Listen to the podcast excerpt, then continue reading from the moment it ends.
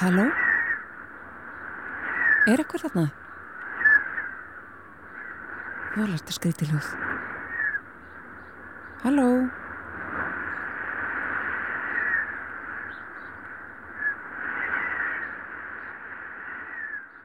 Þetta er sagan af Fox-sistrunum.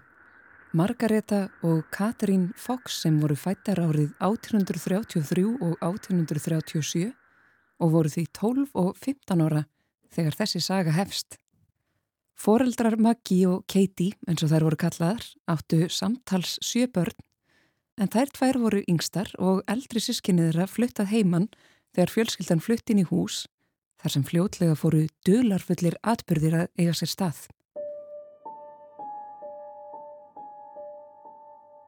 Þetta var í Hydesville sem er dreifbíli nálagt Rochester í New York í bandaríkjunum. Áður en þau fluttu inn í þetta hús hafðu þau hirt orðurómum að í húsinu væri reynd. Sem sagt að það væri draugagangur þar.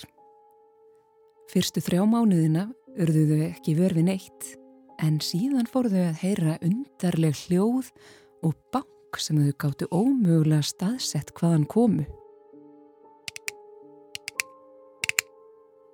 Fjölskyldufæðurinn reynda að róa stelpurnar og móður þeirra niður og segja þeim að það væri öruglega eðlileg skýring á þessu. Kanski væru mís í veggjónum eða krákur á þakkinu. Stundum voru hljóðin samt svo hávær að jafnvel húsgögnin hristust til.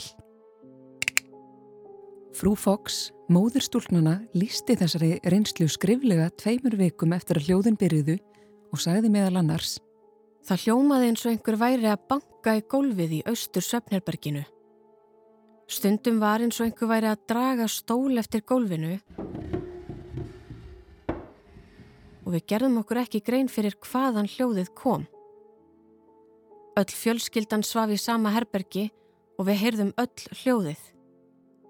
Fyrstu nóttina sem við heyrðum bankið fórum við á fætur, kveiktum á kerti og leituðum um allt hús. Hljóðið hjælt áfram á meðan við leituðum og var alltaf á svipuðum stað. Það var ekki mjög hávært en stóladnir og rungabladnir virtust þó titra við það. Fjölskyldan gafst á endanum upp á því að reyna að koma staði hvaðan hljóðið kom og ákvað þessi stað að einfallega leiði það hjá sér. Svo var það kvöld eitt að þau ákvaða að fara snemma að sofa.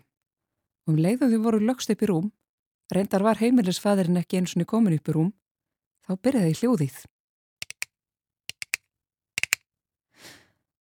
All fjölskyldan lág og hlustaði og þá tók yngri sýsterinn, Katie, upp á því að prófa að herma eftir hljóðinu með því að smetla fingrum.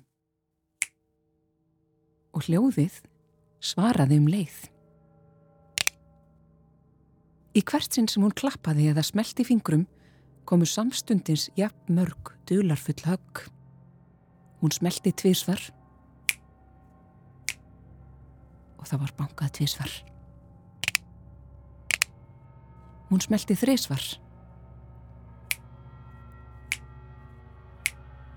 og það var bankað þrísvar. Undarlegt. Á þessum tímabúndi fór fjölskyldan smám saman að sannferðast um að á þessu væri aðeins einn skýring. Eitthver yfirnáttúruleg vera, líklega straugur, væri að senda þeim merki. Eldri sýstrinn, Maggi, tók nú af skarið og sagði stundarhátt. Gerði núna eins og ég segi. Teltu 1, 2, 3, 4.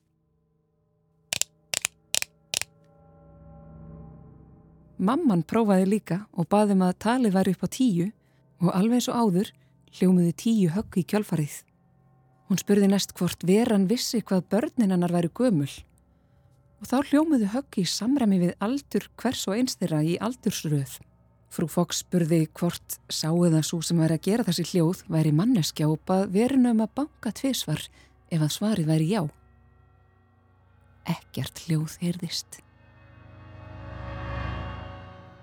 Hún spurði næst hvort þetta væri andi og þá hljómaðu samstundist tvö högg.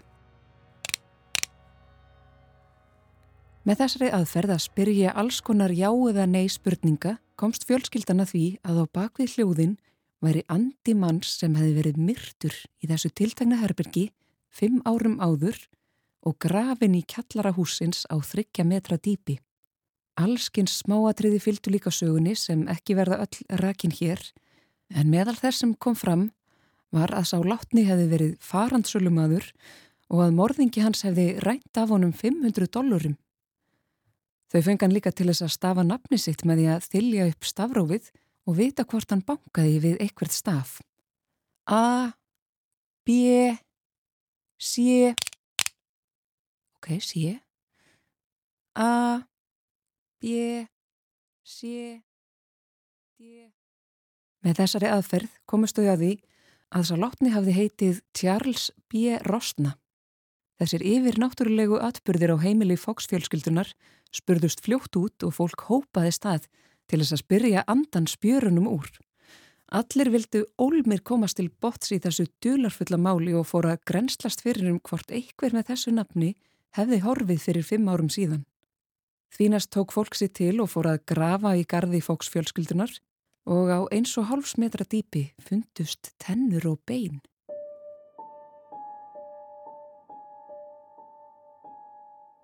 Þarna var komið haldbært sönnunar gagn, hugstuðu menn. Duglarfulla bankið hlaut að vera að senda bein skilabóðað handan. Eða hvað? Það fegst reyndar aldrei sannað hvort þetta væru yfir höfuð mannabein og sumir vildu meina að þetta væru reynlega kjúklingabein eða einhver önnur dýrabein. En við komum betur að því setna. Það er mjög algengt að draugasögur fylgi akkurat þessu formi sem sagan um draugagangin á heimili fóksfjölskyldunar í Hætsvill gerir. Í fyrstu heyrast dularfull hljóð sem reynast svo vera draugur manns sem ásækir staðinn þar sem hann var myrtur. Í stórum dráttum er þetta uppustæðin í ótal mörgum svipuðum sögum. Ef saga Fox-sistrana endaði hér væri hún þannig nokkuð dæmigerð draugarsaga. Auðvitað mjög áhugaverð og spennandi útaf fyrir sig en ekkert meira. Það sem gerir sögu Fox-sistrana hins vegar einstaka er að út frá draugaganginum í húsinu varð til ný trúarstefna, spiritismi eða nútíma andatrú. En svo framhefur komið voru allir nágrannar Fox-fjölskyldunar mjög áhuga samur um draugagangin og nánast allur bærin var reglulega heima hjá þeim. Sögur herma að til að byrja með hafi bankið heyrst samakvort einhver úr fjölskyldunni væri heima eða ekki. Fljótlega fór þú að bera á því að hljóðin heyrðust frekar og voru hærri ef sýsturnar tvær, Maggi og Katie, voru nálegt. Hugmyndin um miðla sem geta náð sambandi við handanheiminn, talaði dáið fólk og fengið svör var alls ekki ný árið 1848, heldur hafði hún fyllt manneskinu um óra langa tíð. Til dæmis má segja að sjamanar eða töfralæknar í fornum trúabröðum hafi verið eins konar miðlar. En atbyrðinir í Hætsvill hafðu umbreytandi áhrif á hugmyndir fólk sem um það hverjir gáttu sett sér í samband við handanheimin, hvar og hvenar. Á endanum flúði fjölskyldan draugagangin í húsinu og flutti inn hjá eldri síni þeirra hjóna, David Fox sem bjó skamt frá. Öllum til mikillar fyrðu þá fylgdu þessi undarlegu hljóðum á nýja staðin. Katie, yngri sýsterinn, var sendt til eldri sýstur þeirra, Leu, sem bjó líka skamt frá. Fyrstu nóttina sem Katie svaf heima hjá Leu sýstur sinni voru svo mikið læti að ekkert af heimilisfólkinu gatt sopnað fyrir klukkan þrjú eða fjögur um nótt. Lea hugsaði með sér að húsið hlýtt að vera reynt og flutti á samt eiginmanni sínum og börnum og jú, auðvitað Katie, litlu sýstur sinni, í glæ nýtt húsnæði þar sem enginn hafði áður búið. En það hjálpaði ekki neitt. Reymleikarnir og draugslætin heldu áfram.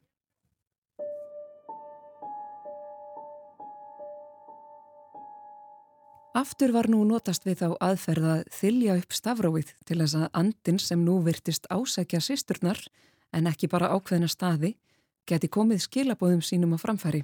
Í þetta sinn var engin morðsaga á ferð heldur allt önnur skilabóð. Andin sagði að þetta væru allir gömlu vinir þeirra á fjölskyldumæðlimir sem væru búinir að hveðja jarlífið. Þarna var regluverk nútíma andatrúar eða spiritisma tekið að mótast og svo nýja hugmynd kynnt til sögunar um að hægt væri að ná sambandi við anda látins fólks hvar sem er og hvenar sem er. Spiritismi breyttist út um öll bandaríkin og Evrópu á óknarraða og fleira og fleira fólk steg fram og sagðist vera miðlar.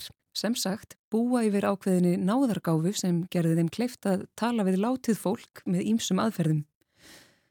Sumir notuðu ósjálfráða skrift þar sem sagt var að andin stýrði hönd þeirra til að koma skilabóðum á framfæri. Aðrir fjallu í trans þar sem meðvillin var hálfpartin sofandi en andi tók yfir líkamanns og talaði í gegnum hann. Með tímanum var algengast að meðvillin lokaði augunum og lísti þeim framliðinu manneskum sem hann eða hún sá fyrir sér. Þau vilja byggja að helsa heim og láta vita að þeim líði vel. Hæ? það er ákálega margt fólk með þeim og uh, þar á meðal kona all mikið löngu farinn ég held hún sé ekki skildum heldur kunnug segist þetta Jóhanna hæ? Hún segist vera hákonardóttir hæ? Hér herðist brot af upptöku af miðelsfundi í Háskóla bíó árið 1974 þar sem þúsund manns komið saman til þess að verða vittni að skegni-lýsingafundi miðilsins Hafsteins Björnssonar. Nútíma andatrú eða spiritismi náði nefnilega góðri fótfestu á Íslandi og voru mörg félög stopnuð á 19. öld í kringum þetta áhugaverða málefni. Sálarannsóknarfélag Íslands er til dæmis enn starfandi í dag, þó að það sé kannski ekki alveg eins vinnselt og það var fyrir meirinn 100 árum þegar það var stopnað. Allt frá dögum fóksistrana hefur fólk nefnilega rifist um það hvort miðlar séu upp til hópa svikarappar eða séu raunverulega færir um að eiga í samskiptum við látið fólk og flytja skilabóðað handan.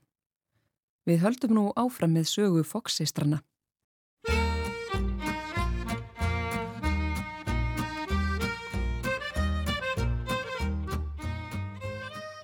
Miðilshæfileikar sistrana spurðust hratt út og fljótlega var þeim bóðið á heimili áhrifamikill að hjóna í Rochester, Amy og Isaac Post.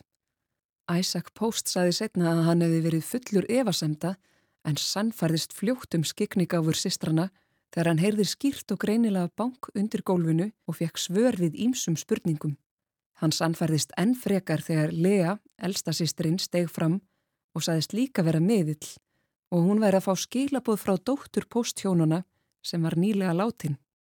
Eftir þennan fund á heimili posthjónana bókuðu þau stærsta samkómusælin í Rochester og 400 manns mættu til þess að verða vittni að dularfulli hljóðunum. Eftir síninguna fór Amy Post baksviðs á samt nokkrum öðrum konum þar sem þeir báðu fóksistur um að fara úr fötunum svo þær getu fullvisa sig um að þær væri ekki með neitt inn á sér sem geti framkallað þessi hljóð. Þær fundu engin sonnunargögn um að nokkuð svindl hefði átt sér stað. Í framaldi af þessu urðu sýsturnar frægar og heldu fjölsótað meðilsfundi viðsvegar um bandaríkin. Mörg hundru manns flyktu stað til þess að sjá sýsturnar og fleiri miðlar stegu fram eins og áður sagði. Ekki voru þó allir sannferðir. Læknir eitt sem rannsakaði sýsturnar árið 1850, tveimur árum eftir að draugagangurinn í Hætsvill hófst, tók eftir því að hljóðin virtust alltaf berast undan fótum þeirra eða þegar kjólar þeirra snertu borðið sem þær sátu við. Fleiri efasemdarmenn settu fram kenningar um hvernig sýsturnar veru sjálfar að framkalla þessi hljóð og vinsalasta skýringin var svo að þær letu braka í tánum á sér. Árið 1857 auglisti tímaritt í Boston 500 dollara verðlaun fyrir miðil sem geti sannað hæfileika sína fyrir nefnd. Fox-sýsturnar reyndu fyrir sér og voru rannsakaðar af þremur prófessorum í Harvard. Það er stóðust ekki prófið og niðurstaða nendarinnar var svo að það er gerður sjálfar hljóðin með sérstökum fótarhefingum. Það er nutur samt áfram vinsalda sem miðlar og heldu áfram að ferðast um bandaríkin en líf þeirra var þó engin dansa rósum. Sisturnar Katie og Maggie höfðu byrjuð að drekka áfengi á úlingsárum og eftir því sem árin liðu versnaði drikjan. Þær giftust báðar og ygnuðust börn en á einum tímapunkti kom til tals að taka börnin af Katie af því hún drakk svo mikið. Árið 1888, þegar Katie var orðin 51 árs og Maggie 55 ára, kom til þeirra bladamadur sem bauð þeim 1500 dollara til þess að játa að þær væru svindlarar og sína almenningi hvernig þær framkvæmdu dularfulli hljóðin. Í sönghöll New York borgar, New York Academy of Music, kom Maggie fram fyrir 2000 áhörundur Katie var meðal þeirra og satt út í sall og síndi hvernig hún gætt framkallað hljóðinað vild með því að láta braka í tánum á sér. Hún útskýrði að Keiti hefði uppgötað að hún gæti framkallað undarleg hljóð með því að hrista á sér fingurna og það sama gæti hún gert með tánum. Það er leikur sér að því að æfa sig í þessu þar til þær hefðu náð fullkomnu valdi á þessari brellu og gáttu framkallað hljóðin auðveldlega í rökkvuðu herbyrgi. Án þess að nokkur yrði varfið neitt. Eins og áviðum flest dularfull og flókin fyrirbæri þá er ótrúlegt hversu einföld þau eru þegar þau eru útskýrð, sæði Maggi. Sýsturnar sögust hafa byrjað að leika sér að því að rekja móður sína með því að draga eppli eftir gólfinu með snæri og framkalla þessi undarlegu hljóð með því að láta braka í tánum á sér. Þessi leikur hafi síðan undið upp á sig og farið úr böndunum. Ári síðar reyndi Maggi að draga hjáttningu sína tilbaka en það gekk ekki vel og þær sýstur nötu aldrei aftur sömu vinsælda og virðingar sem miðlar. Þær letjust í sári fátækt örfa um árum síðar árið 1892 með aðeins nokkura mánaða millibili og sagtir að áfengistrykja hafi spilað stærstan þátt í dauða þeirra. Þrátt fyrir hjáttningu fóksistrana hafði það lítil áhrif á spiritistarheiminguna sem á þessum tímapunkti var orðin mjög öflug og vinsæl. Heitrúaðir spiritistar bentu á að peningaskortur hafi ítt sístrónum út í að játa á sér svindl. Þær hafi ekki átt annar að kosta völ en þó verið saklausar og í raun hafi ekkert verið að marka þær því þær hafi verið orðnar svo rugglaðar af áratugar langri ofdrykju.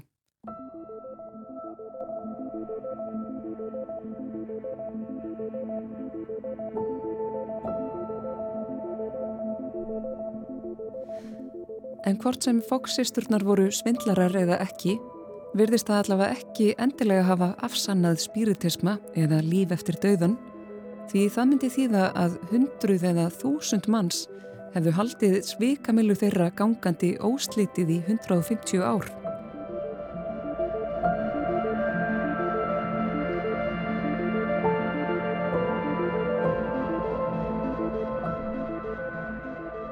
Hvað sem er satt í þessum málum er eitt víst að saga fóksistrana er afar áhugaverð og lýsir því hvernig tvær úlingstelpur, 12 og 15 ára, urðu óvænt upphafsmenn nýrar trúarstefnu sem fór eins og stormsveipur um hinn vestræna heim.